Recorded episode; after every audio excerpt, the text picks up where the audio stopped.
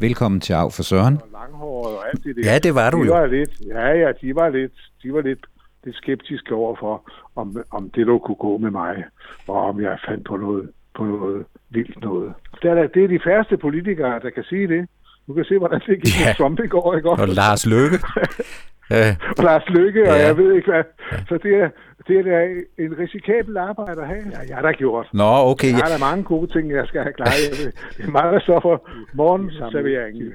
De, de samlede deres nøgler sammen i en, i en kiste og bare op til mig. Jeg var lige helt ny borgmester der. Og, og, og så protesterede de, at nu, nu tager vi fuldstændig livet af, af den gamle bymitte. Og, og det måtte jeg jo så bare sige. Nu skal faklen gives Jamen, jeg videre. synes, der var for store opgaver, og jeg synes, at det sled for meget på mig. Jeg kunne ikke, samtidig så kunne jeg næsten ikke sove. Og jeg er da glad for at selv at kunne sige, at det er mit valg. Det, jeg er ikke blevet stemt ud, eller, eller har fået flertal imod mig, eller noget andet. Men det vil jeg ikke sige til dig. Nej, det er ondt. Nej, nej, fordi man ved ikke, om man kan høre det i radioen. Nej. Men, altså, men, men heldigvis, det er jo det, det er demokratiets ædelsten, at vi, at vi ikke bare skal uddanne os til at, at have demokratiets største poster. Så jeg synes, at han var en god type. Og så var det også... Og, Og, øh, Undskyld, jeg, hvis jeg har lavet munden løbe for meget. Nej. Det mener jeg ikke, jeg har. Nej, det mener jeg heller ikke. Velkommen til Af for Søren. Vi skal tale med Henning Jensen, den tidligere borgmester, om familie, om dronning, bekymringerne for Magnus, om alt, simpelthen Henning Jensen uden filter, unplugged her i Af for Søren. Del gerne med andre. Af for Søren vil gerne lyttes til af rigtig mange. God fornøjelse med Henning. Det var et blast at interviewe ham, og jeg har næsten ikke klippet. Det troede jeg, jeg skulle have gjort, da jeg lavede optagelserne for et par måneder siden. Men når Henning fortæller, så lytter man. Af for Søren.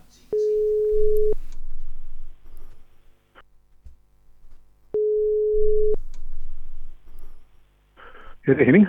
Ja, hej Henning, det er Søren. Det kan jeg høre, ja. Jeg venter også. Du ringer nu her. Du ringer præcis. Ah, ikke, helt, Ja. ikke, ikke helt på uret, kan jeg se. Øhm, Ja. Jeg sidder ikke og tæller, tæller sekunderne og minutterne mere, heldigvis. Nej, men jeg sad lige sådan, du ved, og, og kiggede ud over det hele og tænkte, hold da op, altså, hvor er der meget, Henning, altså. Øhm, det må ja. jeg sige, det må jeg sige, altså. Og, øh, og så de her erindringsspor, der kører ind i, i, si, ens eget hoved, altså fordi øh, mange af de her personer, som, som øh, du fortæller om, dem har jeg jo også kendt og haft en, en form for berøringsflade med, ikke altså? Så, Ja, det kan jeg godt forestille mig. Ja. Så det, det det er er, jo ellers meget sjovt at skrive sådan en bog der, fordi der kommer mange ting frem, som man lige, som man næsten, som man, som man trænger til at få pusset lidt af. det er rigtigt, ja. Og, jeg møder mange mennesker, og de, de er næsten glade for bogen alle sammen. Det kan jeg godt forstå.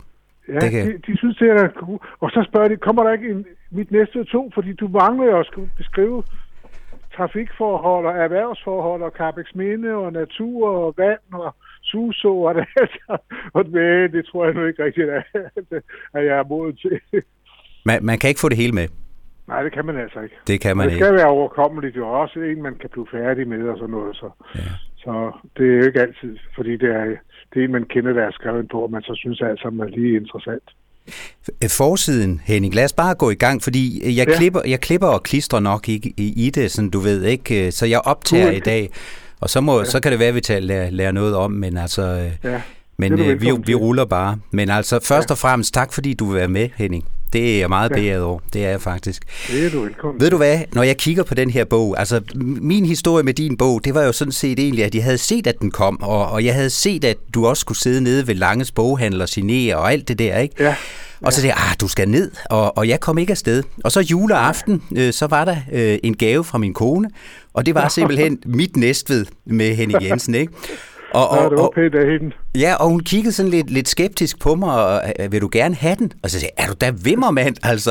øh, og, og, og, og faktisk, så nåede jeg faktisk at skimme den øh, juleaften, øh, da, da Ja. der var faldet lidt ro over det hele, ikke? Ja, ja. Det, jeg synes da, øh, først og fremmest, så synes jeg den forside, altså Kluges portræt af dig, hvor, hvordan var det at blive malet af Kluge? Jamen, det var en fin begivenhed. Og jeg var sådan set øh, meget glad og stolt over det, er også skrevet over, at de valgte kluge. Fordi det er jo kommunen, der har betalt det, og det er jo økonomiudvalget, der bestemte. det. Nu havde jeg været borgmester i, i en snes år der, og, og, og, og den nye kommune var blevet dannet, og nu var det på tide, at der blev malet et billede af mig, fordi det er jo den tradition, vi har, vi har haft i næste i alle årene, så længe demokratiet har været, at man malede borgmesteren og hængte det op i byrådssalen. Og der er jo ikke så mange, der er malet, det er kun 44 af mig. Men så kom der altså en henvendelse fra Kluges far, Aha, der, okay. bor, der bor ude i Tybjerg Lille Bakker derude. Og han sagde, jeg tror jeg godt, jeg kan få min søn til at, at, at, at male borgmesteren, og, og vi skal nok finde en god pris for det. Jeg aner ikke, hvad prisen blev, for jeg har ikke deltaget i forhandlingerne, men jeg ved bare, at, at han var meget interesseret i, nu kom Næstved, og nu kom hans kommune, der var jo Suså Kommune derude i Tybjerg Lille Bakker, nu blev de lagt sammen med Næstved, og nu var det på tide, at der blev malet et billede af mig, for han mente, at det var ikke mindst min opgave og min fortjeneste, at det skete. Kluges, Kluges, Kluges portræt af dronningen hænger jo på Herlufsholm. Var det malet ja. før øh, han malede dig? Ja, ja, det var det. Jeg var selv med ud til afsløringen af det, og min kone og jeg, vi stod der, og, og der var det, at dronningen jo sagde, at de har sandelig fået det hele med. så fordi, hun havde et par rynker, og jeg ved ikke hvad. Men, øh, men øh, der stod vi lige ved siden af. Men, øh, og jeg, nej, jeg, jeg sagde på dronningen, og hilste også på Thomas, men altså, det var ikke noget sådan, det var ikke, det var ikke der, forbindelsen blev skabt. Det var faktisk faren, der gjorde det. Og, og på det tidspunkt, der lå Kluge i skilsmisse med sin første kone. Og han boede sådan lidt midlertidigt i Sorø, for nu var han blevet forelsket i hende, Anne Helleberg, der som læste til præst, læste teologi. Aha. Og de boede på i en lejlighed der på, på første sal i, i Storegade i Sorø. Mm. Og der kørte jeg hen for, og da, og da kommunen så havde, havde bestemt sig, eller økonomi, jeg var ikke selv med til, med til, til drøftelsen. Jeg Selvfølgelig ikke, nej. Nej, for jeg synes, at jeg var inhabil i det, det var jeg jo også. Men øh, jeg var glad for det, for jeg synes, det var, at han var en dygtig maler, og der malede nogle portrætter, som, som ligner godt, og som, øh, og som også øh, er holdbare. Så derfor så fik jeg en aftale med ham, at jeg skulle komme derover øh, og besøge ham der i Sorø, hvor han boede på første sal i en lejlighed sammen med, med, med, med, Helleberg, der, som hun hed dengang. Og, og så fik vi en god snak og en kop kaffe og, og drøftede det hele. Og, han, og jeg hørte jo så lidt om det ægteskab, han, han, han måtte ophøre, fordi Okay. hun var simpelthen for jaloux på, at han havde mere succes som maler. Hun var også maler. Det er svært med sådan to. Det er det, så er der jo lidt intern konkurrence. Der var jo også, der var jo også Karl Nielsen, ikke? Øh, og hans Ja, kone, de, de, de Ja, gaffede også lidt der.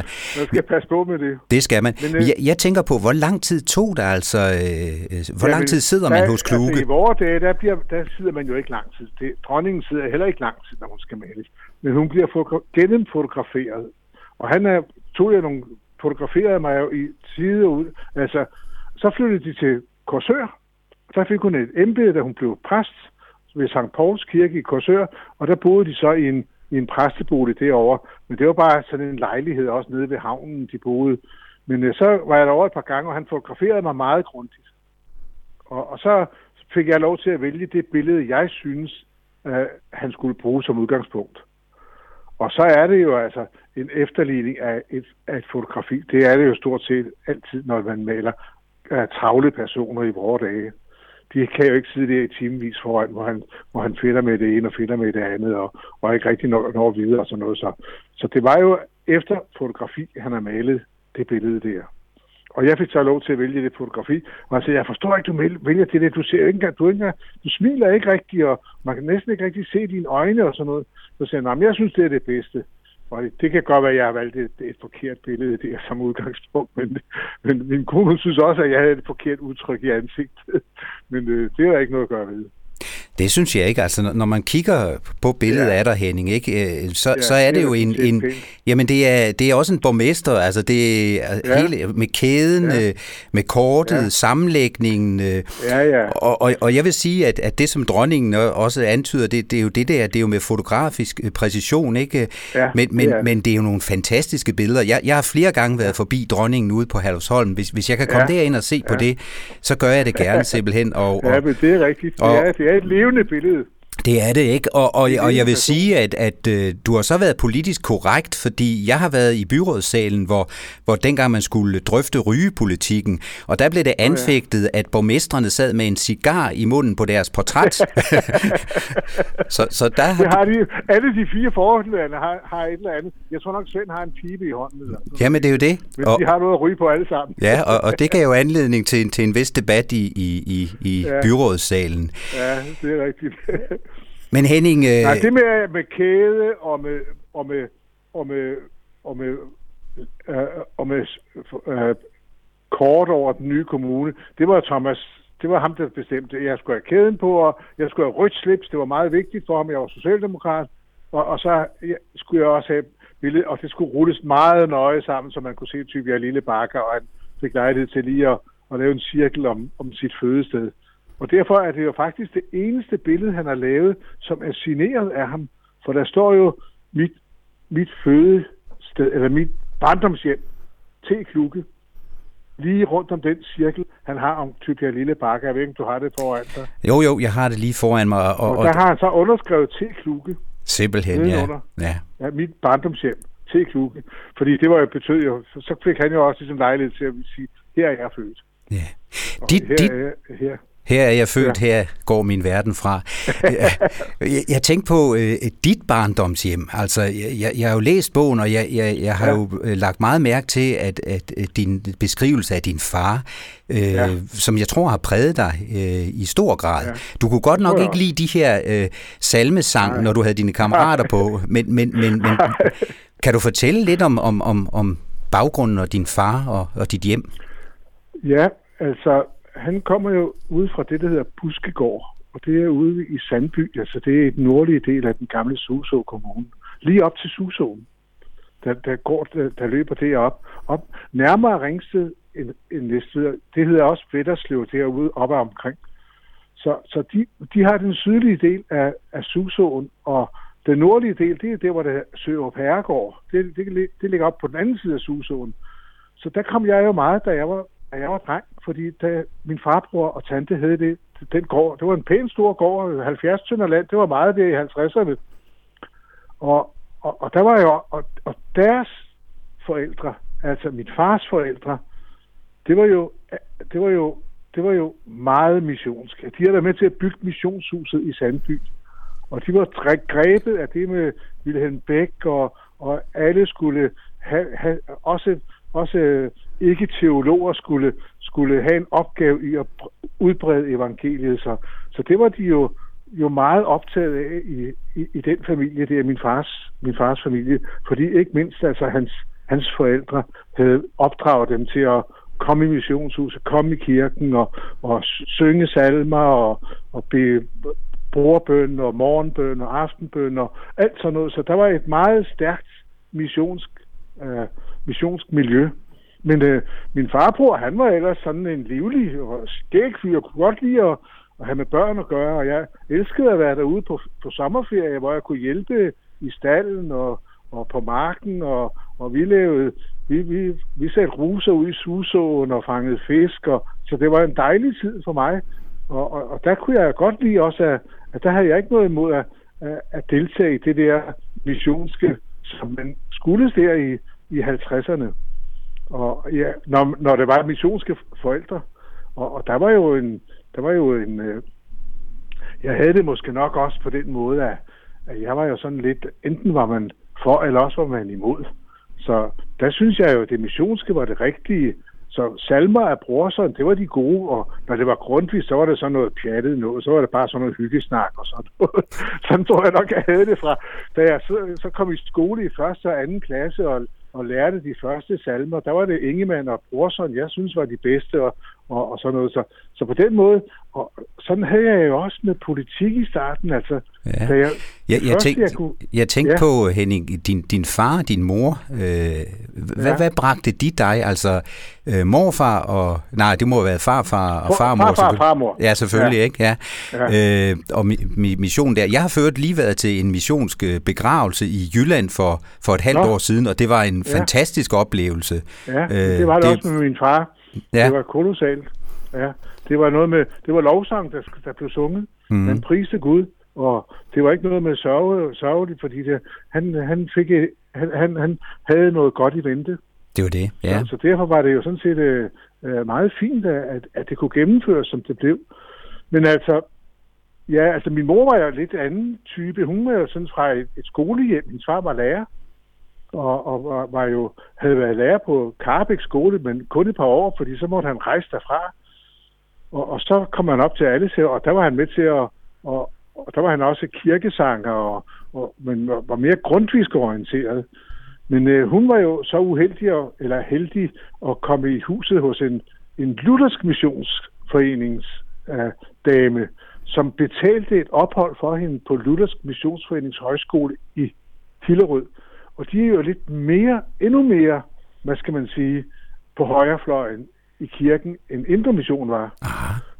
For Luthersk Mission, det er jo dem, der, der, meget, der, der ikke regner folkekirken for noget. De regner med, det er det rene det er det rene dødsødenhed, det hele. Okay. Så de er helt ude på højre. Og der var hun jo meget optaget af det. Hun blev jo, hun blev jo hun kom jo på, på diakonissestiftelsen det bagefter, og skulle være diakonisse, det vil sige, det vil sige nonne i stort set, og ikke også bare en protestantisk nonne. Det er sådan, diakonissestiftelsen er. Det. Og, og der var hun, og det har jeg også skrevet lidt om i bogen, der var hun jo det endte, hun så mødte min far og så måtte hun holde op, fordi hun måtte ikke have nogen kæreste.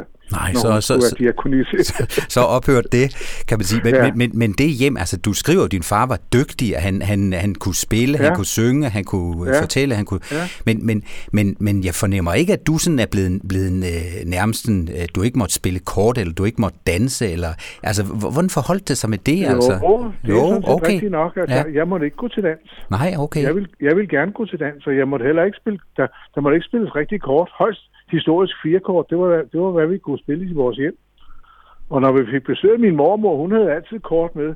Hun elskede at sidde og lægge kabaler. Så ville min far ikke se de kort, når han kom hjem. Okay. Så kan hjem, nu kommer far.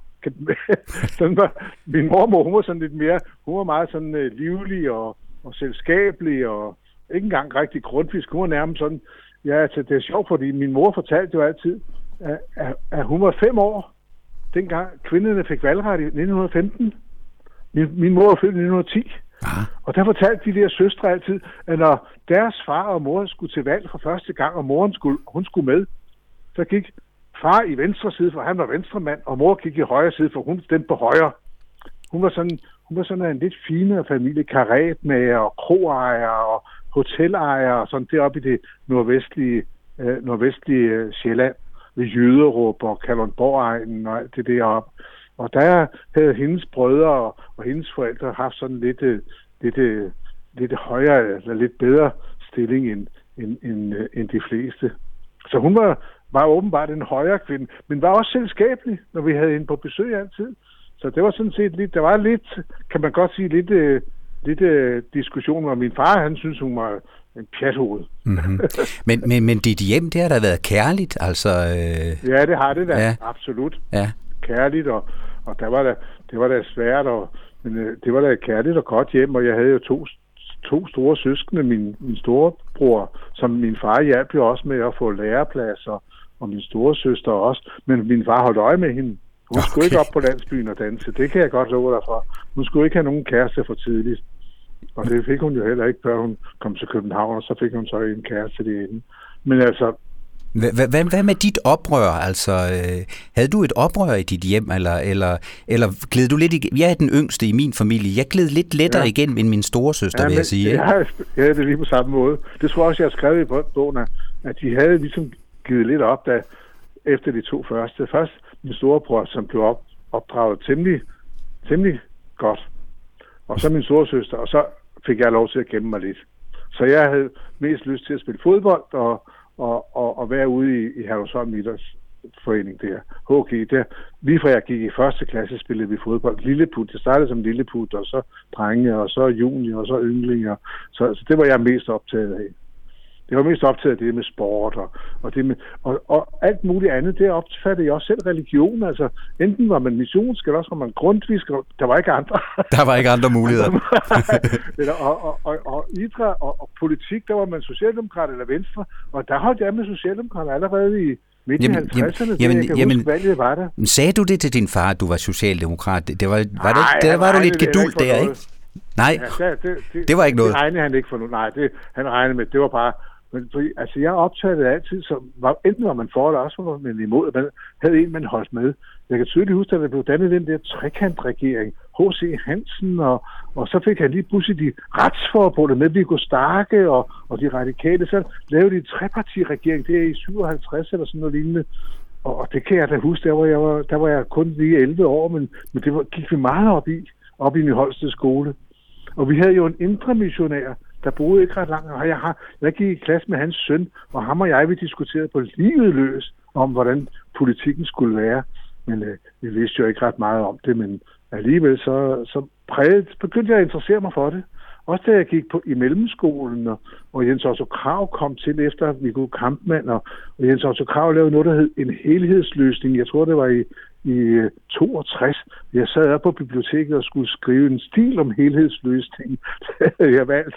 Så det, det var bare lidt optaget af det allerede, men det var nærmest sådan, som når Danmark spillede landskamp mod Sverige, at man havde en, man holdt med.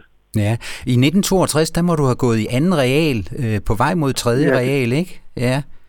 Nej, jeg gik i mellemskole. Nå, okay. Jeg startede allerede efter 5. klasse, så blev jeg flyttet fra, fra Rønne Holsted skole ud til Lillenæs skole, fordi jeg havde klaret mig godt. Der var en prøve, man skulle op til i 5. klasse, eller man kunne komme op til i 5. klasse, men hvis man ville, og, og det ville jeg gerne, og så, og så det var noget med genfortælling og diktat og regning og sådan noget. Og der kom jeg i første mellem på Lillenæs skole allerede i 1900 og var det i 57 eller 58. Okay, ja. Og, og så blev ja. jeg født der i 58. Men, men Henning, ja. må jeg lige høre, kan du ikke lige forklare for os, vores yngre øh, lytter, og måske også for mig, mellemskole, hvad er det for noget? Jamen, det er en, øh, en mellemskole, der, havde, der var mere borgerlig end, end den fri mellem. Fri mellem, det var, det var 6., 7., 8. klasse, som var en fri mellemskole, og, og som kunne være noget lidt teknisk skole, og lidt mere, lidt mere orienteret mod, mod teknik og mod sløjt og håndarbejde og, og hjemkundskab og tegning og sådan noget. Hvorimod vi, vi fik jo lidt, lidt sprog, og vi fik både engelsk og tysk og, og matematik der i, i mellemskolen, med, med henblik på, at vi skulle videre i hvert fald til realeksamen. Efter fjerde mellem, så fik vi så et år, der hed real, real, realklassen. Og det var så det år, man, man, man kunne... Nogen kunne gå direkte i gymnasiet fra fjerde mellem. Okay, ja. Men det, ja. var, det var kun lige det allerbedste, mm. og det havde jeg slet ikke ønsket, eller talent, eller, eller tanke på, at, at det var også noget for mig, for der skulle man have haft latin, så man kunne, man kunne bestå den lille latinprøve, i hvert fald hvis man skulle være sproglig student. Mm. Og gymnasiet i næste, det var jo sådan set, det var noget, der var meget fjernt. Så jeg så, var tilfreds og glad, at jeg fik en real eksamen. Så du stod der. Var det i 1963, du havde din real eksamen? Ja, ja, det var det. Og jeg var lige 17 år. 17 år simpelthen, og, og real eksamen ja. i hus. Altså, ja. der, der er det jo, at, at du rent faktisk så, så hvad hedder det, gerne vil være lærer. Altså, du vil gerne ja. på seminaret. Ja. Men, ja. men det kan du ikke.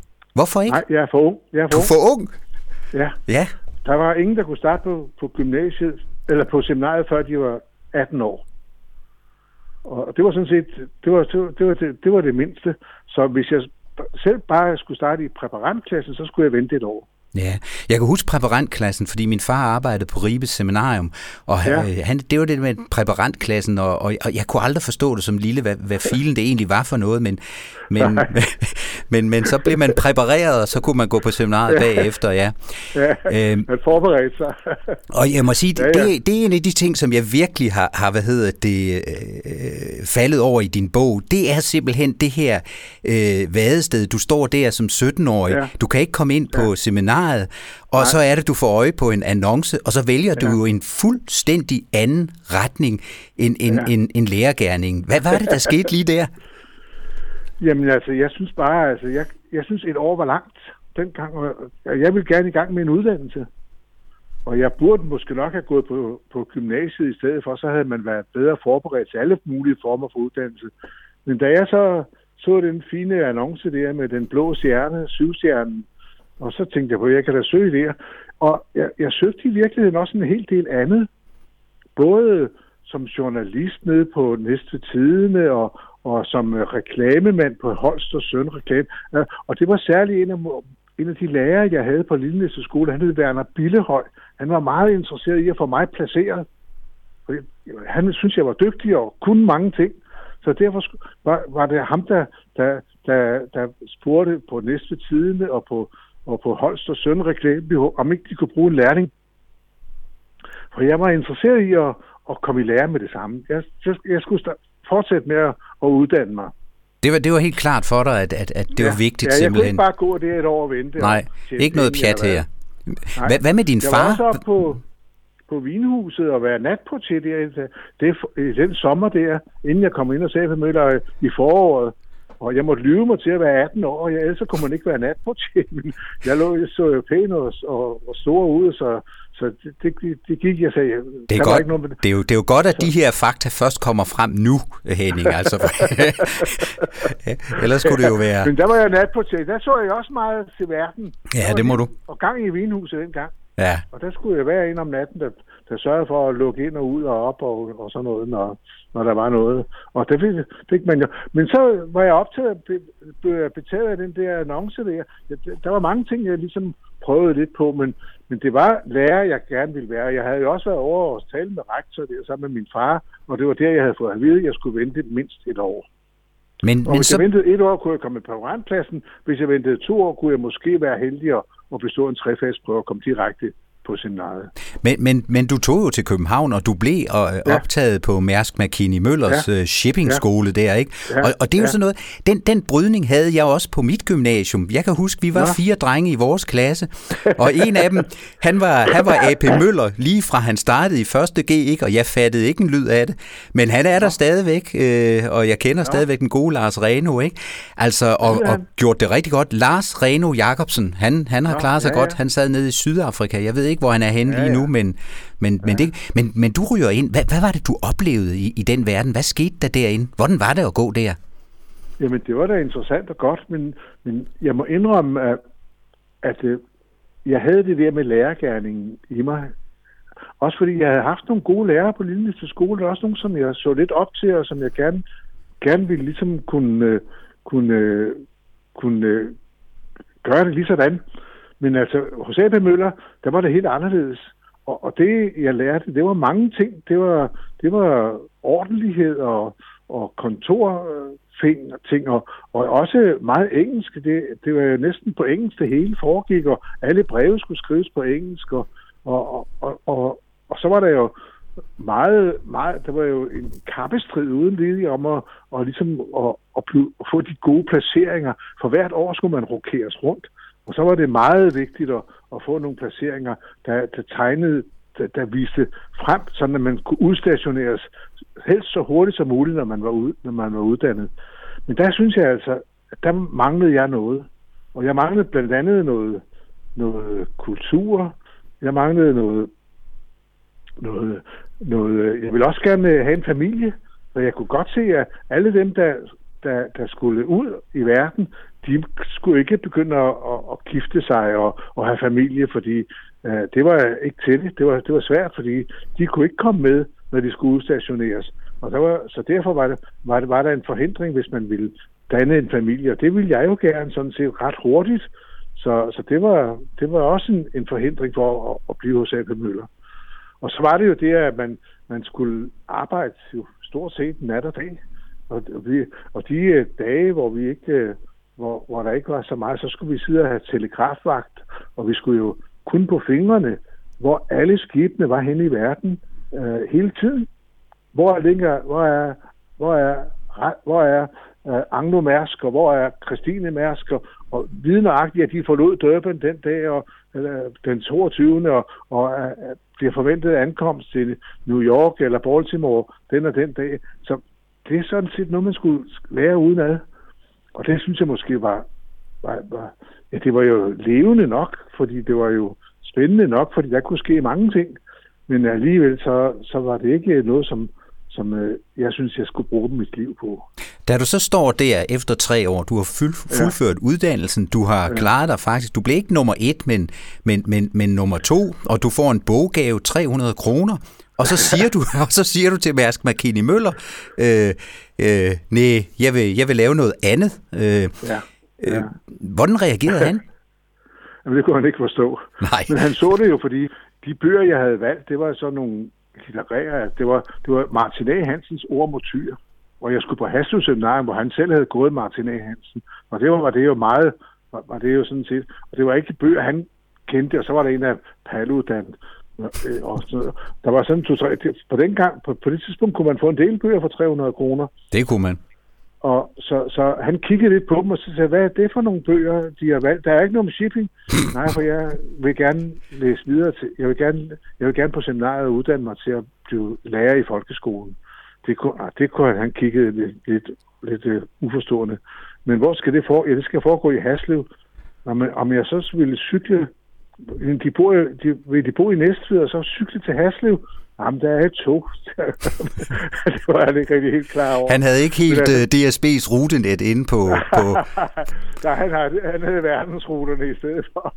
Men han var jo dygtig og, og personlig og, og, og, og venlig og meget høflig mand. Jo. Vi var, jeg var også høflig over for ham, og det var, vi var jo dis og det hele, og det var jo, det var jo bare fint. Og, og jeg var sammen med en, ham, der fik første, første plads.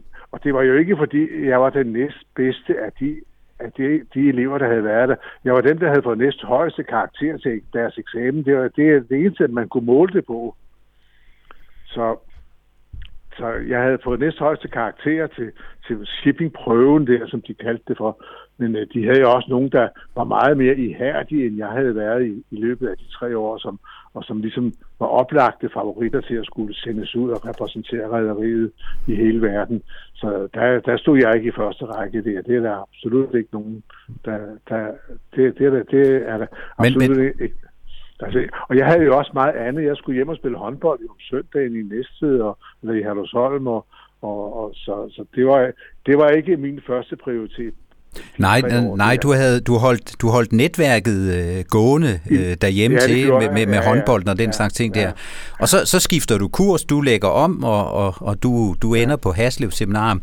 Og, og mit ja. indtryk er, at på Haslev Seminarium, selvom du selvfølgelig også lige har fortalt mig alt muligt om, at du interesserer dig for politik i de unge år også, så er det måske der, du, du også øh, øh, bliver lidt mere politisk aktiv på en eller anden måde, på grund af de ting, der foregår på seminaret.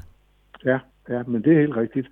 Og så kom jeg jo så i de studerendes råd og blev formand for det, og, og på det tidspunkt der, der var det der med studenter, øh, politik jo noget, der var meget op i tiden, og, og, og, og lærerstudenternes landsråd, og, og der var også på, på universiteterne, man kæmpede om at en bryd professorvældet, og jeg ved ikke, hvad det. Og Onde Helge var undervisningsminister, den radikale Helge Larsen, og så det var, det var sådan set meget, meget, meget nærværende.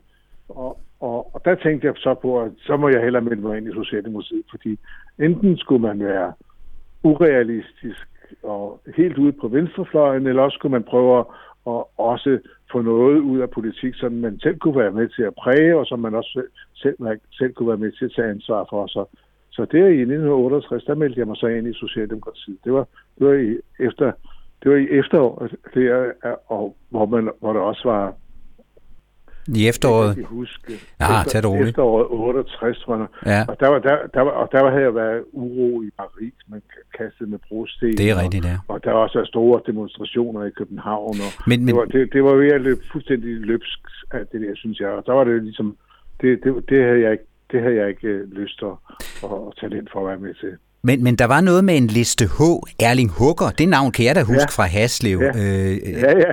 Hvad var det for noget, I lavede der? Jamen det var så, da valget nærmede sig i 1970, og der var det jo så nye store kommuner. Og, og det var jo en ny form for... for så Nå, der, der var kommunesamlægningen, altså ja. var det fra 1000 ned til en 277 der omkring? Ja, eller? det var det ja. nemlig, fra over 1000.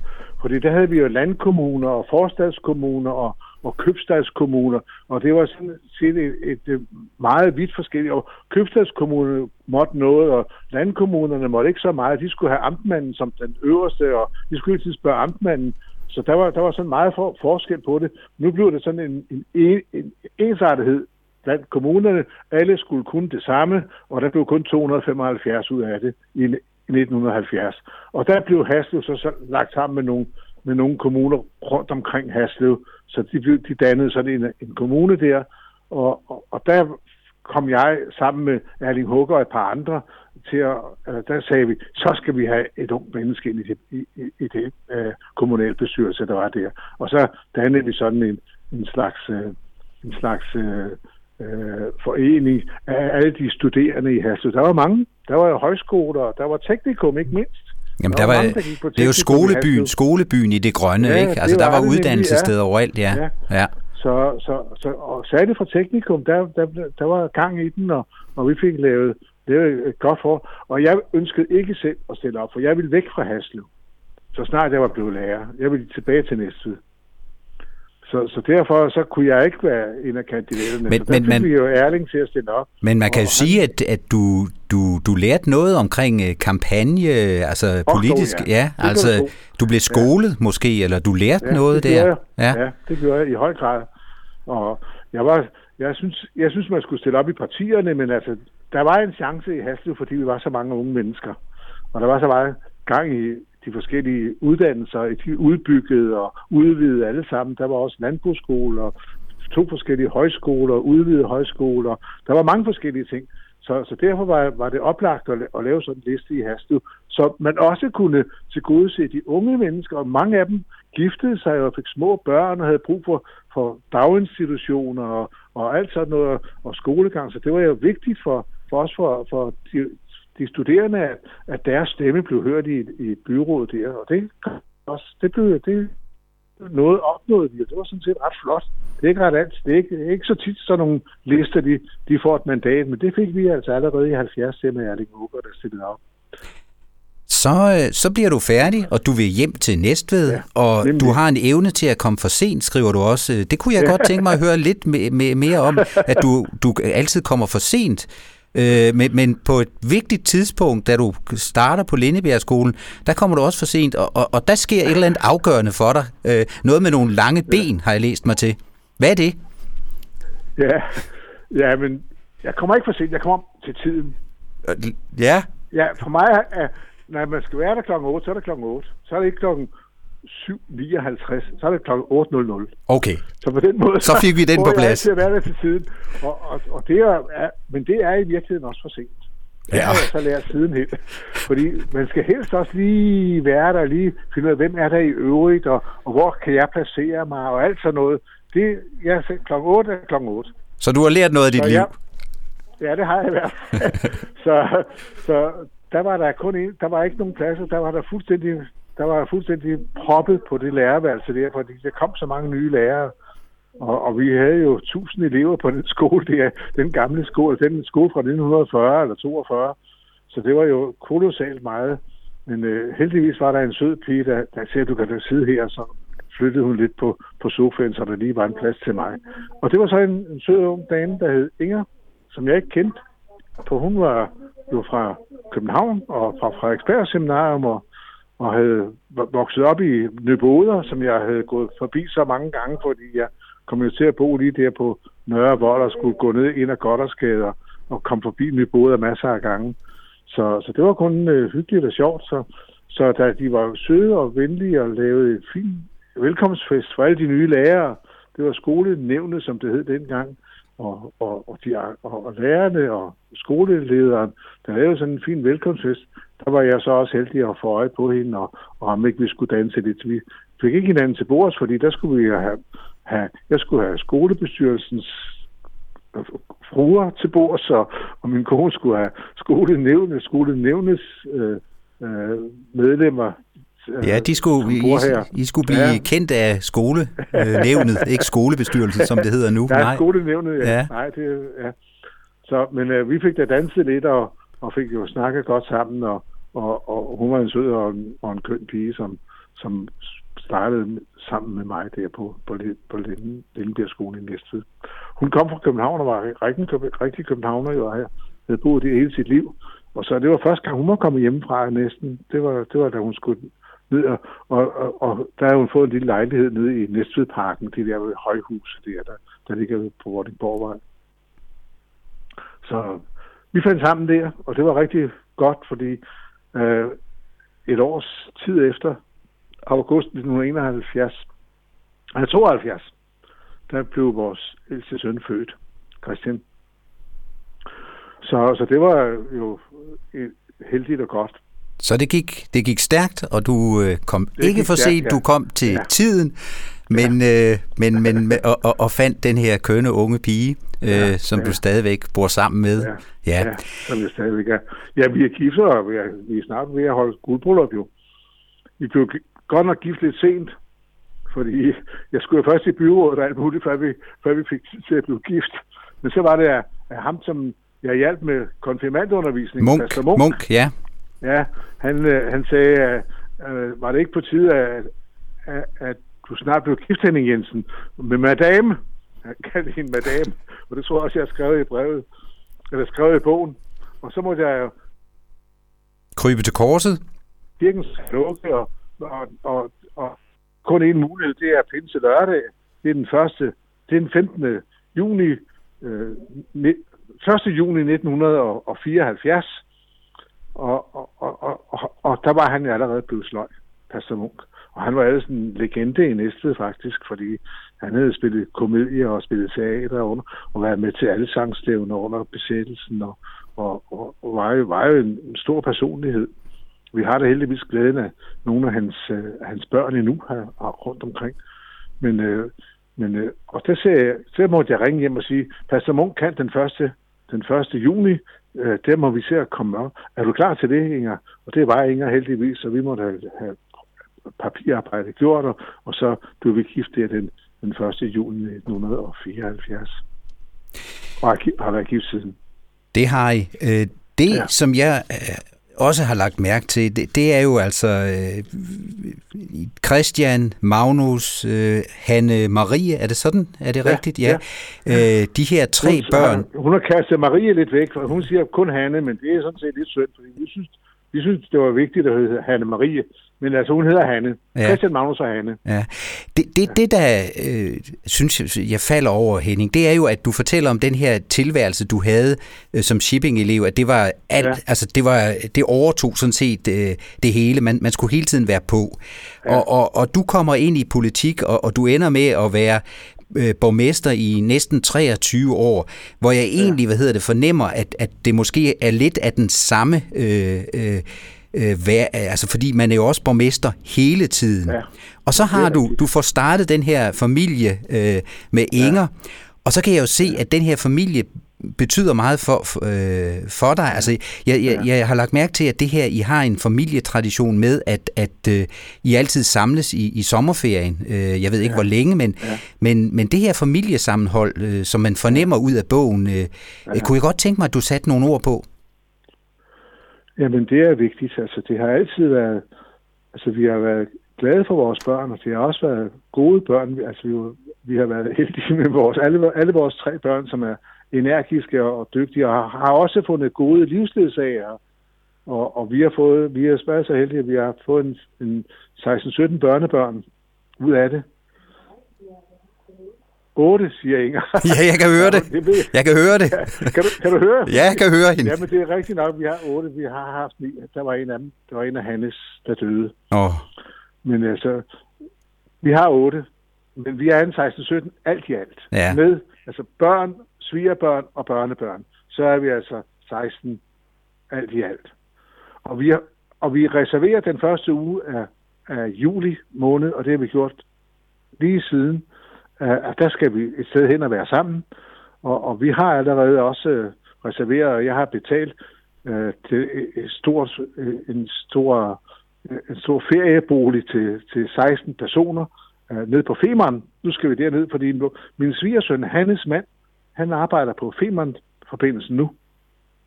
Så, så derfor er, er det vigtigt for os at, at, at være sammen, og også at have nogle, nogle reservationer, hvor vi, hvor vi er sammen. Og, og det har vi været hele tiden, og, og vi har også haft øh, nogle ferieture med nogle venner og deres børn, dengang vores børn ikke havde nogen, øh, ikke havde nogen kærester, da de, da, da de var børn.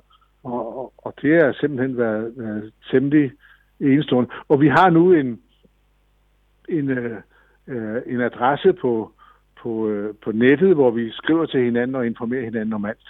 Og det er så kun familien, der har, der har den, øh, den øh, adresse i, på, på nettet, hvor vi, hvor vi orienterer. Og i dag har vi orienteret om Magnus og, og alle sammen. Så det, det, er, det er temmelig vigtigt, at vi, at vi holder en tæt forbindelse og, og støtter og, og bakker op om hinanden. Det, det, det, er, det, det, går, det går rigtig godt med det, synes jeg. Og det er noget af det, der giver vores liv øh, indhold. Så familien, det, det har været øh, den støtte, altså din, din egen ja. familie, din mor og far, øh, farmor ja. og farfar, men også det her ja. familiesammenhold, ja. som I har haft igennem tiden. Ja. Du, du har jo så været borgmester, og, og da jeg kom til, til Næstved i 1983, der tror jeg, at du var viceborgmester, du var sådan lidt ja. en spe, ja. du var lidt langhåret, jeg kan huske, ja. at du var begyndt, ja. der var lidt, ligesom jeg har, var du begyndt at tabe ja. lidt hår, men, men, men, men jeg kan huske, du havde din gang lidt nede på Folkets Hus, ja. vi rendte ind i hinanden en, en gang ja. imellem, men så samtidig, så, så hvad hedder det, så blev du jo borgmester fra, fra Næstved Kommune, men du har haft nogle lærermestre, øh, der altså, øh, øh, Per, øh, øh, som jeg kendte via radioarbejdet, øh, og, og det var jo teknisk udvalg. Han, han øh, har, har haft en stor indflydelse på dig, eller, eller i hvert fald inspireret dig. Er det Per Andersen? Ja, Per Andersen, på? ja, netop. Ja. ja, han var dygtig. Ja. Og, men han var også... Altså, det var han, var, han var ikke nogen, man sådan flyttede rundt med. Det kan jeg huske. Nej, det kan jeg godt love for. Og det var jo dem, da vi blev valgt ind der i 1974. Der var vi der blev vi to, kom, var vi 12 socialdemokrater, og de seks, altså halvdelen, var nye alle sammen. Der var stor udskiftning det valg, ja. Ja, der var stor udskiftning. Så, og der var ingen poster til de seks nye. De seks gamle var blevet enige om, at vi tager alle formands- og næstformandsposter i alle udvalg, så er det besat. Hvad synes man om det? Var... Hvad, hvad synes du om det dengang? Jamen, det var jeg da overrasket over. Men uh, sådan var det. Det blev bare kørt uden diskussion. Og det var, altså, min forgænger, Søren Hansen, var ikke en, man, man, øh, man diskuterede med. Nej, du, fortæller, du har fortalt, at man nærmest var bange for ham, ikke? Altså, han, ja, han... Der var, når han havde sagt noget, så var det sådan, det skulle være. Ja.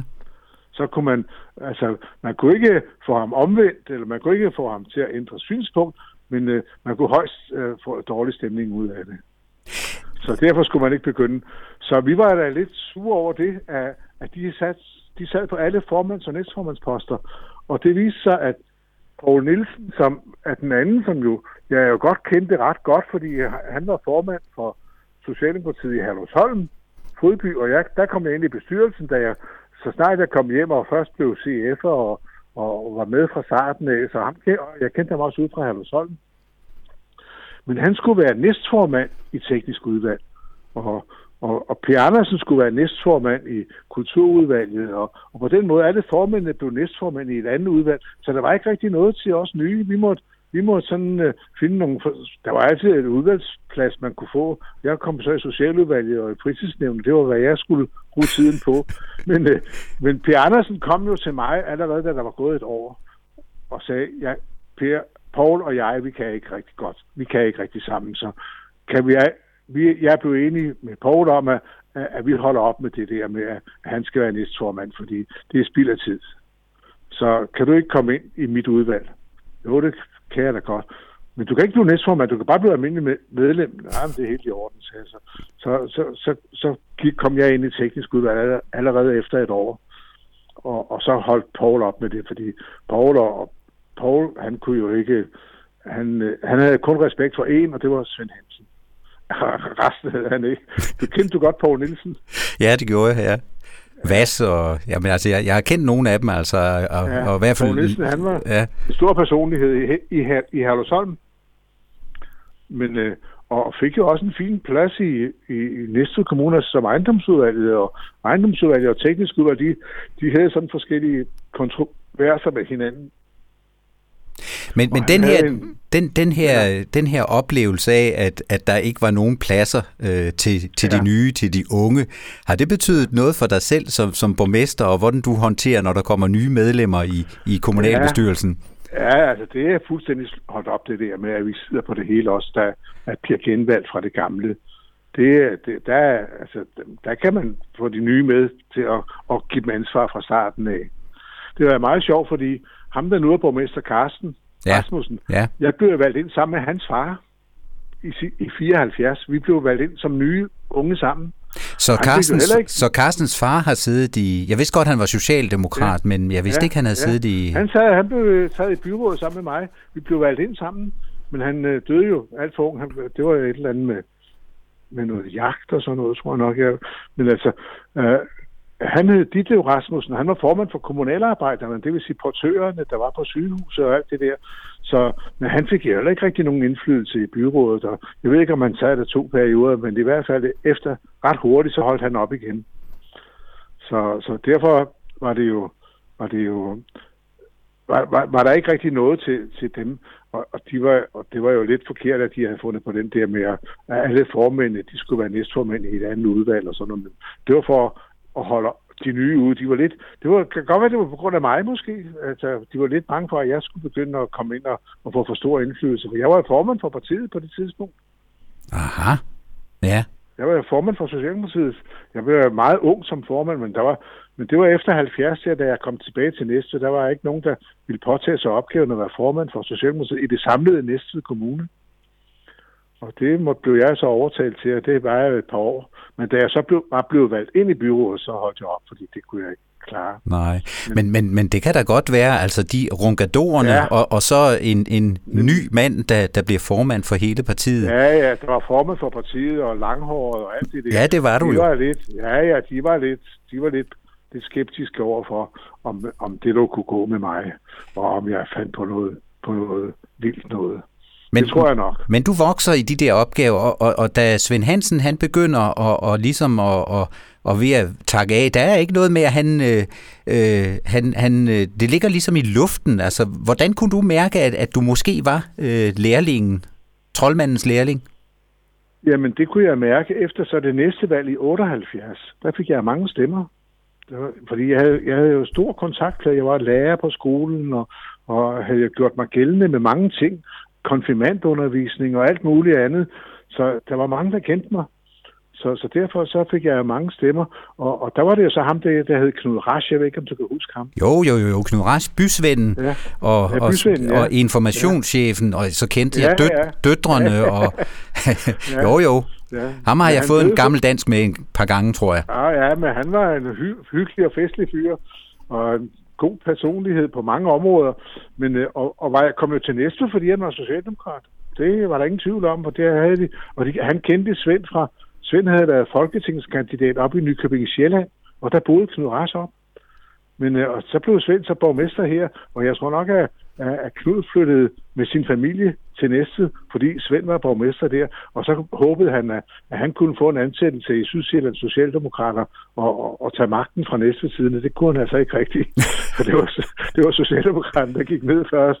Men øh, så blev han ansat, så fik han et ugeblad, det han blev redaktør af, og, og til sidst så blev han så ansat af, af Svend til at være informationschef ja. på, i, i, i kommunen. Det er rigtigt. Og det var så ham, der fik fat i mig og sagde efter 78, Henning, du skal være klar over, jeg har aftalt, altså der, du vil blive foreslået som medlem af økonomiudvalget. Og der skal du bare sige ja. Og ja, det vil jeg da gerne se, det, det giver jo, og hvis man kommer i økonomiudvalget, så er det jo... Så er, det er de tunge drenge. Ligesom det er de tunge ja, ja. drenge, ja. Det er de tunge drenge. Og Svend han sagde det med det samme, og det skal være Henning, og, og Johan Hass, så, så, og Johan Hass han fortsætter som, som, som Socialchef, nå, jeg er viceborgmester, ja. Men, men også tre, også tre, og så er der, og så er der postmester Hvidberg og Vagn Hansen fra Venstre, det er de fem, der er medlemmer af økonomiudvalget. Så der kunne man jo godt mærke det. Og, og Svend var jo flink, og der var ikke noget, jeg fik lov til. Og så øh, efter næste valg igen, så blev jeg så viceborgmester. Og det var, var jeg så, da du kom hertil nok. og så, holdt, så trak Johan Hass sig lidt tilbage. Men øh, Øhm, så lige, jeg har sådan en lille skåret, skåret noget æble ud, jeg lige tykker lidt på. det er i orden, det er i orden, ja. Og hvis du hører det knaske, så er det mig, der spiser æble. Det er i orden, ja. Skal vi prøve at gå i gang igen? Har du æblet ja. ud af munden, eller? Nej, men jeg sidder og småtykker lidt. Okay. Jeg tror, jeg kan administrere det. Det er ikke sådan, et- det er sådan et æble, der er skåret ud i otte, otte stykker. Det er godt. Små, små bidder af gangen. Ja. Ja, hvem har skåret det ud? Ja, jeg har da gjort. Nå, okay. Jeg har da mange gode ting, jeg skal have klaret. Jeg Det er meget, der står for morgenserveringen. Okay. Når hustruen vel holder hus, voks, vokser flæsket på øh, bjælken. Ja. jeg skal lige... Det kan du godt huske. Ja, Jeg nej, har skrevet- nej, jeg har skrevet det ned, øh, men når Ja. hustruen vel holder Ja, hus, mig. vokser flæsket på bjælken. Det er jo rigtigt. Ja, det er rigtigt. Ja. Nå, Og det var også det, jeg kunne sige til dronningen, da hun havde 25 års jubilæum. Jamen, det, det er jo rigtigt. Det er jo der, du brugte Peter 7 der Ja, det, det var der. det nemlig, ja, da, ja, ja, da ja. vi modtog hende nede på, i boderne der. Ja. Det kunne hun godt lide. Hun, Ja. det, hun er en dejlig, øh, dejlig personlighed jo. Margrethe, altså i det hele Ja. taget, så, så kan jeg huske, at jeg havde øh, nogle bekendte, hvis øh, datter dansede i balletten, og, ja. øh, og, og der, hvad hedder det, fortalte de jo også, at hun var sådan fuldstændig ja. nede på jorden, og når hun kom, Ja, ja. Og, da, og da ja. Susanne Hering øh, fyldte et eller andet ja. Ja. rundt, øh, jamen der, ja. Ja. der kom hun, og der var hun med til at sætte de der hvide plastikbæger rundt, og, og, Ja, og, ja, og og paptallerkener og sådan nogle ting der, og så til sidst så optrådte hun jo for sin veninde der, ja. Ja, nemlig. Hvad, hvad, hvad betyder sådan en dronning og, og en prins for, en- for en by som Næstved? Betyder de noget overhovedet? Ja, det er da kolossalt vigtigt. Det mener jeg absolut, det er. Det er heller ikke, det er, det er bestemt øh, afgørende, at øh, man har et godt forhold til, til landets øh, øh, regent, og, og det er meget fint øh, for, for, for byen og for kommunen, øh, at, øh, at man en gang imellem ligesom øh, får et, et besøg af, af, af, af regenten. Og det var det, hun, hun sagde dengang. Altså, jeg fik jo, jeg fik jo hendes hofmarschal til at foreslå Næstved som, som sted. Ah, der kommer jeg så tit, sag- sagde hun. Og det var så, mens hun kom ned med balletten. Men altså, det var det med et officielt besøg i 1900, og, og var det i 8, nej, hvornår var det nu i, i øh, 96, var det ikke det? Det kan godt være, det var i 96, ja. ja. Ja, det var, altså- det var 25 år fra 92, 97. Okay, 97. Ja. September 97.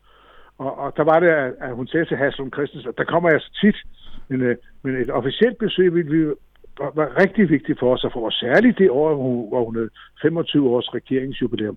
Det, det giver sammenhold i en by, og, og, og folk er, der, der er en feststemning uden lige, når, Ja. når regenten er her, og det, det er rigtig godt. min mor, hun kom over til Næstved og var inde i Næstved. Ja. by, da hun var der, og, og jeg kan huske, ja. da vi så sad og, og drak kaffe om aftenen, så sagde hun, hun var jo, min mor var sønderjyde, og så sagde ja. hun, så sagde hun, øh, ja Søren, så går hun sådan rundt der, øh, midt imellem os alle sammen, og man kan bare lige plaffe ned, men ja, altså, Jan tænker jeg godt sørge det her, Søren. Det, ja. Ja. det er godt. Altså, ha, hun, rigtigt. hun, hun var meget imponeret af, af tilgængeligheden med, med, med dronningen. Ja, ja men det er fantastisk. Men, Men, men vi har også, altså efter min mening, en, en kolossalt god og dygtig dronning. Det er meget, hun er rigtig opmærksom og fantastisk øh, lydhør og, og meget, meget god til ligesom at, at, være, at være regent. Det, det, må, det, det kan vi ikke tage fra hende. Og jeg tror, både Sverige, Norge og ma- masser af steder, der, der misunder man Danmark, at man har sådan en som Margrethe det er jeg helt enig med dig i. Ja, i den her tale, hun holdt her nytårsaften, hvor, hvor Gud bevarer Danmark, blev til, øh, til en, en Gud bevarer til os alle sammen, og så derefter ja. Gud bevarer Danmark. Det synes ja. Ja. jeg, det er noget af det stærkeste, hun har gjort Ja, øh, det er det som, også. som det er regent. Ikke? Og man bliver rørt. Det gør man. Alle, alle får en, lige, bliver lige rørt en gang, kan man mærke. Altså, det er der ingen tvivl om. Altså, og, og det er hun jo rigtig god til det her. Henning, borgmester, det var du i mm. næsten 23 år, og da du står af, så siger du, øh, det er mit eget valg, øh, ja. og øh, jeg giver dig også en, en, en, øh, en måneds opsigelse, så, så, så du kan forberede dig lidt, Karsten. Men de der næsten 23 år, Der har du jo været øh, borgmester i, i Næstved og sat dit præg sammen med, med, med byrådet. Men ja. der var jo mange øh, fantastiske ting. Der var mange ting, der skete i Næstved. Ja. Øh, det Næstved, der mødte mig i, i 83, det var jo på en eller anden måde øh, sådan lidt, lidt, lidt øh, jeg vil ikke sige, at, at men, men det der med det der åbne sår midt i byen med, med, med pladsen ved, ved kvægetorvet, ja, øh, en, en suså, der man ikke kunne se. Øh, ja. Øh, ja. Kan, kan du fortælle lidt om, om, hvad var det for nogle opgaver, der fyldte i de første år som borgmester? Hvad var det, der skulle ske øh, efter din mening og, og byrådets? Jamen, det var kolossalt vigtigt, at vi fik, øh, at vi fik udnyttet nogle af alle de muligheder, der var i Næstved og der er i Næstved. Og, og der var meget, der var, der var blevet forældet, og meget, der var, der var ikke blevet brugt mere. Og det var en kaserne på Grønnegades kaserne, som, som stod der og var stort set tom, blev ikke brugt af staten. Så måtte vi jo så få den til at, at blive brugt til noget, til noget fornuftigt og til noget, som var til gavn for byen. Og de forenede jernstøberier var nedlagt, og Kvægtorvets slagtehal var nedlagt. Og, og det var jo nærmest en, en ruin, der var der. Og der skulle jo, vi også sørge for, at der, der kom til at ske noget. Og, og Susåen, man vidste ikke, at det var her, Susåen løb ud i, i fjorden. Næstved var jo, var jo Susåens udløber, det er Sjællands største å. Tænk sig om, øh, om, øh, om gudenåden øh, ikke blev markeret der, hvor den løber ud i Randers Fjord. Nu har de fået Randers Regnskov lige ved siden af, og, og, og alle vidste jo, at det er gudnåden. Der var ikke nogen, der vidste rigtigt, jo kun hvis man kom ud til Herlufsholm, og man kunne se Susåen derude, at Susåen var der, men den var jo lagt i, i, øh, i store rør og magasiner, øh, da, da vi havde fået havnen dengang. Så det er vi da meget glade for, at vi fik den frem i lyset, og vi fik den da på en rigtig god måde, fordi vi kunne bruge de magasiner til, til, til, til noget, der ikke skulle ledes ud i havnen, nemlig spildevand. Og, og det, det bliver det brugt til i dag, det er under, under Havnegade, så vi har givet Susund et frit løb, så man kan nyde den. Og så har vi så også fået bebygget det fra grunden og, og, og, og, og få udnyttet, udnyttet øh, øh, øh slagte øh, øh, kvægtorvsarealerne og fået lavet fremtidens forsamlingshus på, på, på Grønnegades kaserne er jo rigtig godt, men det har altså været der har været store opgaver, fordi man kunne ikke blive færdig med det ene først, det andet viste sig. Og så byggede man jo et behandlingscenter til, til, til 130 millioner. Det var mange penge dengang. Og det var staten, der byggede det. Og så, så snart det blev indvidet, så det er ikke sådan, man skal behandle de evnesvage. De skal ud og bo rundt omkring i mindre institutioner, ude hvor, ude hvor, hvor folk bor. Så det blev næsten nedlagt ved, ved indvielsen. Sidenhen så overtog amtet det, og amtet øh, fortsatte den øh, udflytning derfra, og så måtte kommunen købe det i 1989. Det var noget af det første, jeg kom til som borgmester, og købe det store behandlingscenter, hele det område, som nu hedder Birkebjergparken, for, for jeg tror, det var 89 millioner kroner, vi gav amtet for det. Og så kunne vi så lave sygeplejeskole og, og social- og sundhedshjælperskole og ekstrauddannelse for, for, for voksne og masser af gode ting derude. Men så ligger det bare lidt forkert i byen, og så må man bygge op ved, ved Munkebakken i stedet for. Det er lidt, øh, det, er, det var, det var stor op. Så har vi fået papirfabrik, to papirfabrikker lå der.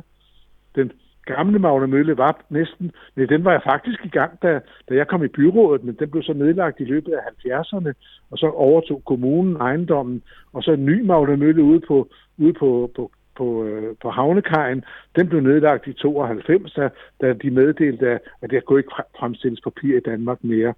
Øh, vi havde kun den der genbrugspapir. Øh, så der skulle vi så også tage stilling til, hvad skal der ske med det. Så det har været en, efter min mening, der har været store udfordringer for kommunen. Jeg synes, vi har løst dem nogenlunde godt, mange af dem, men der er stadigvæk store udfordringer for Næstved. Det er der. En, en udfordring, øh, der var Bøje Nielsen, øh, ifølge din bog, jo også ja. lidt på forkant, fordi han foreslog, han ville jo gerne give et, et højhus til, til Næstved Kommune, ja. og så fik ja. øh, Næstved Kommune 10.000 kvadratmeter ovenfor, og, ja. og helt kvitterfrit. Fordi han ja. så, at der var sket noget i Slagelse med et, et storcenter, Vestjyllands øh, Center, som ligger ja. inde i byen. Ja. Det skulle Næstved ja. også have. Og det var jo også en udfordring, ja. som, som I tog ja. op. Øh, ikke ja, højhuset, men, men storcenteret. Ja, Det var det. Altså, det var meget vigtigt, at vi, at vi nu fik nogle andre arbejdspladser end alle dem, der blev nedlagt. For der blev nedlagt så mange arbejdspladser. Det var i tusindvis. Det var på jernstøberiet, på papirfabrikkerne og på slagtehuset og alle de steder, hvor arbejdspladserne bare blev nødt Vi blev nødt til at finde en branche, hvor, hvor vi kunne regne med, at her kunne vi fastholde arbejdskraften og måske endda få den til at stige. Og det var altså det med detailhandel og med kontorer og med undervisning. Og, og der fik vi så, i og med at vi fik, at vi fik heldigvis etableret næste storcenter ude på, på Køgevej, så fik vi et kolossalt område der omkring, der også lavede noget tilsvarende undervisning eller administration eller detailhandel. Og, og det var jo meget afgørende, hvis Næstved skulle bevare en, en status som en, en vigtig by på Sjælland og, og i det sydsjællandske område, at, vi, at vi fik det. Men øh, vi fik det så derude for Bøje Nielsen, vi havde lagt det derinde på, på, Defor, eller på, på Magne Møllegrunden. Ja. Og, og der ville han jo have brugt de underste etager til butikker og lege ud, og så ville han have givet kommunen det, de øverste etager til rådhus. Men, men øh, det ville vi altså ikke have. Vi sagde nej til det. Det, da, da, da, da Svend Hansen han lukkede luften ud af ballonen, skriver du simpelthen ved, Ja, ved by, det gjorde han. byrådsbehandlingen der. Ja. Men, men, men, stor, det var en stor sag. det var en stor sag. Men Storcentret, der husker jeg jo også, at, at der var stor debat. Og, og jeg mener, Ja. at, at øh, Venstres Holger Dein øh, var meget modstander af, af, ja. af Storcentret. Øh, øh, de handelsdrivende i Næstved øh, by var vel heller ikke så lykkelige for et storcenter. Nej, det var de ikke. Men de tog ikke rigtig gøre ret meget. Da Svend Hansen var der, der, der sagde de ja. Men så snart han var væk, så begyndte de at blive lorne. Og da, da vi så gik videre og sagde, at der skulle være et megacenter ved siden af, og, og sådan noget, så var det, de, de, de samlede... De, de, de samlede deres nøgler sammen i en, i en kiste og bare op til mig. Jeg var lige helt ny borgmester der. Og, og, og så protesterede de, at nu, nu tager vi fuldstændig livet af, af den gamle bymitte. Og, og det måtte jeg jo så bare sige, det, det behøver I, det er jeres opgave at, få, noget, for liv ud af det. Og det fik de også på en eller anden måde, selvom der godt kunne ønske sig mere liv, men alligevel så har de formået at omstille sig til, til meget mere servicepræget og meget mere, meget mere restaurations- og serveringspræget udbud i, i Næstved Gamle Bymidte en, en, øh, en direkte salg af, af varer, som, som det er jo ikke rigtig egnet sig til med moderne transportmidler. Det var svært for, for bilerne at komme ind i byen. Det er næsten ikke til at finde parkeringspladser. Det er næsten ikke til at komme frem og tilbage. Og, og, og med den trafik, vi har nu i vores dag, er det jo er det stort set umuligt. Så man skal gå rundt, og så kan man ikke rigtig købe, købe meget ind. Så derfor må vi indstille os på, at, at folk de, de øh, køber ind, som man gør i, det store, i den store verden med en bil og fylder den op, og så skal den parkere helt så tæt på som muligt. Ja, Så- men, men, men, men som borgmester og som nyudklækket borgmester, øh, de kommer op ja. Med en ligkiste. Ja, det er Øh, øh, øh, hvordan, hvordan havde du det? Kunne du sove om natten? dårligt. Ja, Nej, det kunne jeg ikke. nej. Det var svært. Ja. Det kan jeg godt love dig for, var svært. Det var ikke særlig sjovt. Og, og særligt, det var en af mine gamle elever, der, der havde taget initiativ til det, og, og, og, og han gik foran og sådan noget. Så jeg, var, jeg havde det dårligt, men, men øh, det er jo nogle ting, man, man ligesom bliver nødt til. Vi kunne ikke øh, lægge, lægge en symaskinforretning ved siden af Storcenter. Der skulle jo være noget, der spillede op til og, og var en del af det. Og nu bygger det min sand et center ved siden af igen. Ja. Jeg kan, det jeg, kan huske, jeg kan huske, mener jeg, at Galvit ude fra Sankt Jørgens Park, ja. Ja. han var jo han var hvidglødende, øh, mener ja. jeg. Hvidglødende. Hvidglødende. Men han endte jo med at øh, flytte sin øh, barnevognsbutik ud i megacentret, ikke altså? Ja, ja. Øh, ja. Så sådan kan det jo også Han gå. brugte jo, han brugte jo den gamle Uffe Ellemann. If you can't beat them, Join, Join them, them. ja. I, I interviewet med, med, med Carsten, øh, da du overgiver tøjlerne, øh, der, der snakker du lidt om, øh, at Carsten har et lysere sind, øh, eller sådan ja. Lidt mere... Øh, øh, og, og der tænker jeg, at de der personlige omkostninger ved at være borgmester, Ja. øh, Ja. Det, det, det, det, det, det kan være hårdt at bære simpelthen. Øh, Ja. Har der været andre ja. sager, hvor, hvor, hvor, hvor man kunne mærke, at, at, øh, at ryggraden den blev, blev, der blev revet lidt i den? Og det har været der tit. Gardhusarerne, da de forlod byen. Vi samlede 42.000 underskrifter ind imod det. Det var en stor tragedie og en stor, et stort tab for byen. Så fik vi endnu en kaserne, vi skulle fylde ud med noget andet end soldater. Stor papirfabrikken. Mm-hmm. Ja. Og der har været meget. Jeg synes, det har været, der har været mange, mange meget store opgaver. Og jeg er sådan set glad for, at Carsten med et lidt lysere sind, og han skal passe på ikke at løbe ind i for mange store opgaver. For jeg synes, at jeg havde rigeligt med store opgaver. Og samtidig var jeg jo ambitiøs. Jeg ville også noget i, i kommunernes landsforening. Mm-hmm. Og, og jeg vil også noget rundt omkring i kommuneforeningen og, og sådan noget. Så det er udmærket, at Carsten han bliver herhjemme og, og prøver at se, om, se, hvad han kan gøre for at kæmpe imod. Nu har, er det sygehuset jo. Det var jo også en stor tragedie. Vi havde jo fakkeltog fra sygehuset ud til Næstvehallen, og de ville jo simpelthen bare ikke, de havde jo bestemt på forhånd, hvad det skulle være, hvad det skulle være akutsygehus, men det var også en meget stor og alvorlig og, og, og næsten næsten ødelæggende beslutning for, for Næstved. Det var noget, der fyldte noget, det kan jeg huske. Altså, ja, der, der, og, og der var man hård øh, ved dig, øh, Henning. Det, ja. kan, det, kan jeg, det kan jeg selv Frygtelig. huske. Altså. Ja. Hvorfor, hvorfor øh, forærer han sygehuset væk, eller jeg ved ikke. Altså, ja. Og, og, og det, det må jo altså øh, tabe lidt på, på hvad hedder det, de indre linjer der.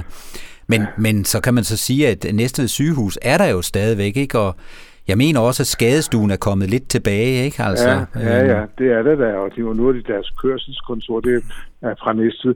Men Næstved ligger jo lige midt i den region. Der var simpelthen der var for mange fjender. Ja.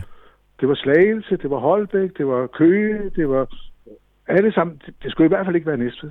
Du og jeg, vi er enige om, at det var en forkert beslutning, er vi ikke? Ja, det, jo, det er vi. Det var da helt forkert.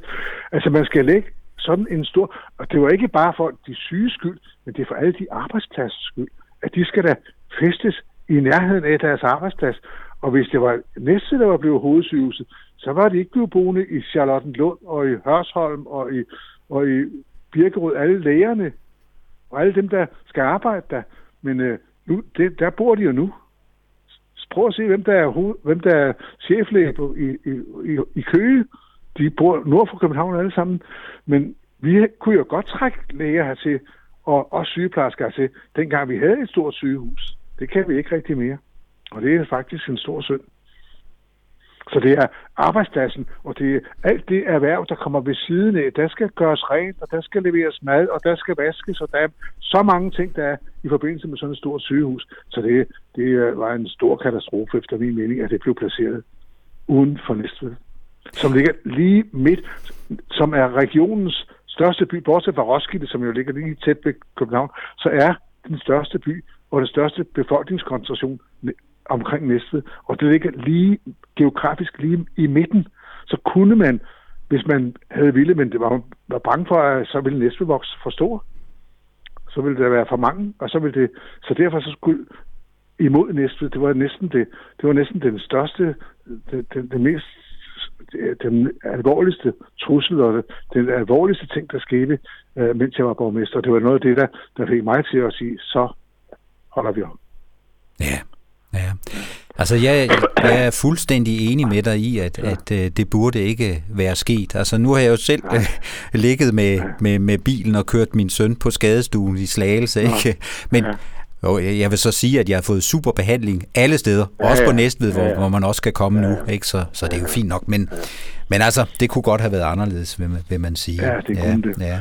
Det, var, det var en stor sorg for mig. Så jeg synes, jeg har måttet bære ret mange store, alvorlige ting på mine skuldre, men altså, det må en... vi jo så se bort fra, så se for det bedste ud af det hele tiden. Vi har hver dag en opgave, og det er få det bedste ud af det. ja. En af de ting, som, som jeg har øh, bemærket, og som, som jeg nyder her på min, øh, på min mountainbike, det er jo faktisk den grønne ring, der er blevet lagt rundt om, om ja. Næstved. Og der har du ja. jo også været med, altså. Ja, ja, det var meget bevidst. Og det jo også bevidst fra statens side, for de synes også, at Næstved var ved at brede sig for meget ud. Ja. Det er også rigtigt. Der, der skulle sættes en grænse for det, og der fik vi så staten til at overtage alle arealerne rundt om Næstved, og så lavede de statsskov. Og det er simpelthen bare en, en øh, uh, skov for klimaets skyld, men også for, for, for befolkningens skyld, så man havde nogle gode steder at gå hen. Så det var super godt. Og, og det kan man jo allerede se nu her omkring ude ved Rønnebæksholm, men også i Vridsløse og, og også ved Eben, at det er allerede i fuld gang. Og det bliver jo ikke skov, der skal drives forsmæssigt eller, eller jagtmæssigt, men det er fredsskov, der kommer der. Da det er super godt. Og kommunen har ikke nogen udgifter på det. Det er staten, der betaler det hele. Men de har så, til gengæld også fået arealerne gratis af kommunen. Så, så Miljøministeren var jo jublende glad. Det er den største gave, staten har fået. Det var Connie Hedegaard, eller? Ja, det var Connie Hedegaard, ja. ja. Der er også et billede af hende der, hvor vi, vi står med hver vores globus i hånden, Connie og jeg. Men, men, men siger du, at, at det også var en måde at, at tøjle Næstved på? Altså, at, at der var flere ja. politiske motiver til det? Ja, det tror jeg. Altså man, og også fordi Næstved har jo været forudseende på mange områder. Man var dygtig til at købe jord op rundt omkring Næstved. Så man havde altid mulighed for byudvidelse. Altid. Og det har man stadigvæk. Man har stadigvæk rige muligheder for at bygge øh, parcelhuse og, be, og bebyggelser. Du kan se mellem Næstved og, og, og Fensmark, og, og også, også herude, hvor jeg bor ude i Lille Næstved-området, at det er stadigvæk bygget nyt. Så der er, er rige muligheder for. Så og der har man jo været, været hurtig i, i byudviklingsøje med i Næstved, at man har købt gårdene op, der lå rundt omkring byen. Og det sidste store opkøb, det var jo så det med Rønbæksholm, vi købte op. Så, så har jeg kigget lidt på kalenderen, øh, Henning, ja. og, og jeg kan jo se, at øh, vi er på vej, eller vi er i øh, 2021, og det betyder ja. jo rent faktisk, øh, at øh, ja, det må jo betyde, at det er snart 10 år siden, at du simpelthen sagde stop som, som borgmester. øh, så det er jo også på tide med den bog her. Og, og så vil jeg sige, der, der hvor du sidder øh, og, og holder talen i, i den her fantastiske byrådssal, det er jo en af ja. de ting, når man har været op for at, at sige, øh, luk ikke den skole der, som jeg nogle gange har ja. været, så. Øh, sidder man jo altid og nyder øh, lokalet. Det er jo et fantastisk ja. øh, byrådslokale. Det er dejligt. Ja. ja. Men da du holder den her tale, det er, der betoner meget, at det er mit eget valg, øh, ja. at, at øh, du nu, nu stopper ja. efter de her 23 år. Hvad var det, der gjorde, at, at øh, du tænkte, nu nu stopper jeg. Jeg ved godt, at du fyldte øh, 65 år dagen før, ikke? Øhm, ja. Og det vil sige, at du bliver 75? Åh, oh, uh, ja. Men, men tillykke med det. Men, men, men hvad var det, der ja, gjorde... Det, ikke nu. det kommer om et par måneder. Det kommer. Det er vel i marts, ja. må det være. Ja, men det holder vi stille med. Det, det holder vi stille med. Coronaen redder mig. Det er det. Ja, ja. Men, men, men, men hvad var det, der gjorde, at, at du... Øh, er, er det det her, de her, alle de her opgaver, alle de store opgaver, eller, eller hvad, hvad, hvad var det, der gjorde nu? Nu skal faklen gives Jamen, videre. Jeg synes, der var for store opgaver, og jeg synes, at det ikke sled for meget på mig. Jeg kunne ikke, samtidig så kunne jeg næsten ikke sove der skulle hele tiden tænkes og drøftes. Og, og, der, og jeg kunne også godt se på valget, det valg, vi havde der i 2009, tror jeg det var. Det gik jo dårligt for mig. Jeg mm. tabte mere end halvdelen af mine stemmer. Hvad, hvad, var årsagen til, hvad var årsagen til det, at du tabte? Det kan jeg ikke huske. Jamen, jeg fik jo så mange stemmer lige i det første valg i 2005. Ja. Det var inden kommunen var blevet skabt. Ja.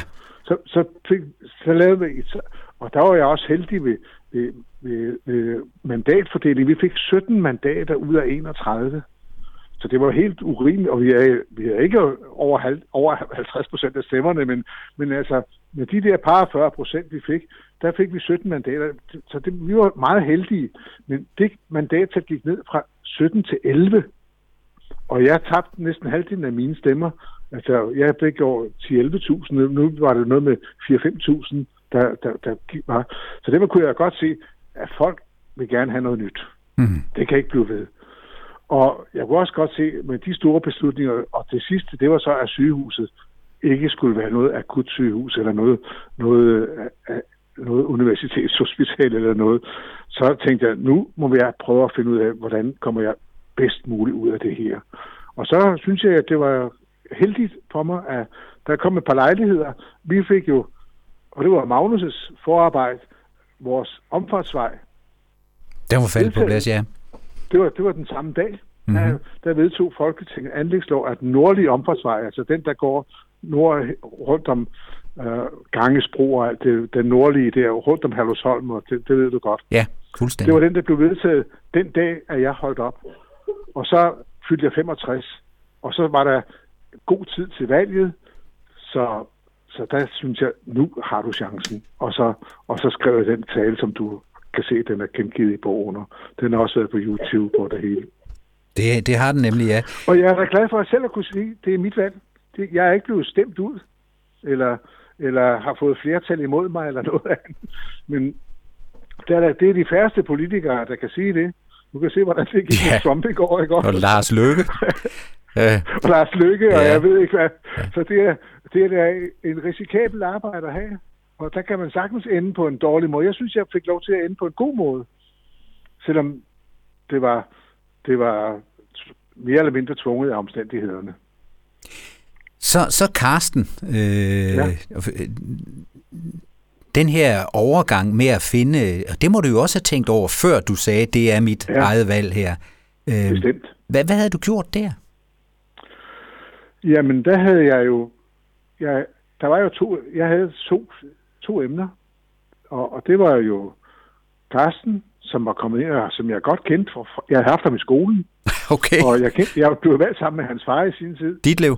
Og jeg, jeg kunne godt lide ham. Jeg, jeg synes, han havde et, et godt sind. Og det, det der, han var glad og hjælpsom og flink. Han manglede måske noget som rent uh, intellektuelt, kan man godt sige. Altså sådan, ja, han er jo ikke sådan nogen boglig uddannelse. Han havde noget praktisk uddannelse, og det er han meget god til og meget, meget energisk med. Men altså, det, det, er lidt, det er lidt mere intellektuelle, det med at kunne fremmedsprog og alt sådan noget. Det, der manglede han måske nok lidt af han moderne, en moderne borgmester i en stor by, men, men det kan vi sagtens klare lidt. Det er jo det, det er demokratiets ædelsten, at vi, at vi ikke bare skal uddanne os til at, at have demokratiets største poster. Så jeg synes, at han var en god type. Og så var der også Søren Dyste, som havde været borgmester i, i Holmegård og gjort det godt, og var en dygtig borgmester, og efter min mening hjalp det gevaldigt, da han trådte til derude i Holmegård, og så kom der lidt ro på, og så vi, fik, fik vi det hele til at falde på plads. Så jeg har jo sagt til dem, jeg gik en tur med dem der, da vi havde, da vi havde haft valget der i 2009, og sagt, øh, den af jer, der bliver visborgmester, skal sandsynligvis også være min, min afløser, og det bliver den, der får flest stemmer af jer to. Det, sådan må vi jo afgøre det. Og der fik Carsten altså jeg tror, han fik en 1800 stemmer, og, og Søren Tysted fik en 12-1300 eller sådan noget lignende. Og, og det kunne begge to acceptere, så det var, det var sådan set, det faldt i orden. Men øh, det var jo ikke sådan helt i orden alligevel, fordi da jeg Nej, det vil jeg ikke sige til dig. Nej, det er jo nej, nej, fordi man ved ikke, om man kan høre det i radioen. Nej. Men, altså, men, men heldigvis, heldigvis blev, blev øh, gik det jo fint, og, ja. og man blev enige om, at det var Carsten, der skulle indstilles til at efterfølge mig, og de fik den måneds tid der fra den, øh, fra den 22. marts til 1. maj, altså i april måned, til at finde ud af det, og, og, og så blev Carsten jo stort set valgt næsten helt enstemmigt, fordi der var ikke rigtig andre kandidater. Og det var jo bare super, det kunne lade sig gøre på den måde. Nå. Det var jeg meget glad for. Og Carsten er efter min mening en dejlig personlighed. Når, når, når, da du så, øh, så blev du øh, almindelig medlem og sådan nogle ting der, men, men, men sådan en nyudklækket borgmester, øh, snakker man med den gamle borgmester en gang imellem om, omkring råd og dåd? Altså, nej, nej, det synes jeg ikke. Og det vil jeg heller ikke. Altså, jeg skal ikke sidde der at være overdommer og, og komme med gode råd. Jeg kommer en gang med nogle gode råd, så sender jeg ham en lille mail, eller, eller ringer til ham, at man har tid et øjeblik, men det er ikke meget, jeg får snakket med ham. Nej. Desværre. Men det kunne jo også være, at han ringede til dig og sagde, Henning, du, hvad? Det skal du ikke. Nej, det tror jeg, det gør han ikke. jeg ringer jeg selv aldrig til Svend for at spørge ham om, om rådet. Det, det er, når, man, når det er overstået, så er det overstået. Og jeg var jo medlem af byrådet i perioden ud, jo, og så når var jeg også med i, i nogle af udvalgene, både kulturudvalget og arbejdsmarkedsudvalget. Det var fint nok. Så jeg var da glad nok for, for det, jeg havde at, at lave. Så jeg synes, jeg kom ud af det på en, på en god måde, og det glæder mig jeg tror, jeg ville være ked af det resten af livet, hvis jeg var blevet stemt ud, eller smidt ud, eller på en anden måde, øh, at de var blevet fri for mig. Og så er der, ja. gået, og så er der gået 10 år, ikke? Øh, hvor du sådan ja. set øh, ikke har været borgmester, og hvor jeg forhåbentlig ho- håber, at du har kunnet sove om natten, simpelthen, Henning. Jeg sover meget bedre. Ja, det er godt. Jeg sover næsten for godt. ja. Øh, så det, det går fint med det. Og så er det også det, at min kone er sklerose, og, og er jo lidt handicappet, og kan jo ikke rigtig, kan jo ikke gå rigtigt. Så derfor må jeg hjælpe til med mange ting. Indkøb og madlavning og alt sådan noget. Og det gør, jeg, det gør vi med glæde. Selvfølgelig. Og så køber vi os til rengøring og, og hjælp i haven og alt sådan noget. Det må vi købe os til, hvis ikke vi kan klare det selv. Og det gør vi også. Også med glæde. Selvfølgelig. Så. Ja. Jamen altså Henning, øh, jeg synes vi ja. er kommet langt omkring, ikke? Øh, og, og, og, og, øh, synes jeg, hvis jeg har lavet munden løbe for meget. Nej. Det mener jeg ikke, jeg har. Nej, det mener jeg heller ikke. Og Henning, det der med tennis der, det må vi jo lige se at finde ud af. ja, nu skal være lige blive lidt bedre først, hvis det skal Ja, det skal det, det skal det, ja. ja. Ja, ja. Og så må du hilse øh, den gode Magnus simpelthen, ikke? Øh, det gør jeg også, ja. det kan du tro, jeg gør. Hvis og, jeg ser ham, ja, ja, jeg ser ham på skærmen. Ja, det er jo det. Ja. Og så må de, du... de har ikke været her siden juleaften, så hvor vi udveksler gaver ude i haven. Ja. Så de holder meget nøje med, at man ikke må, at der er kontakt og alt det der.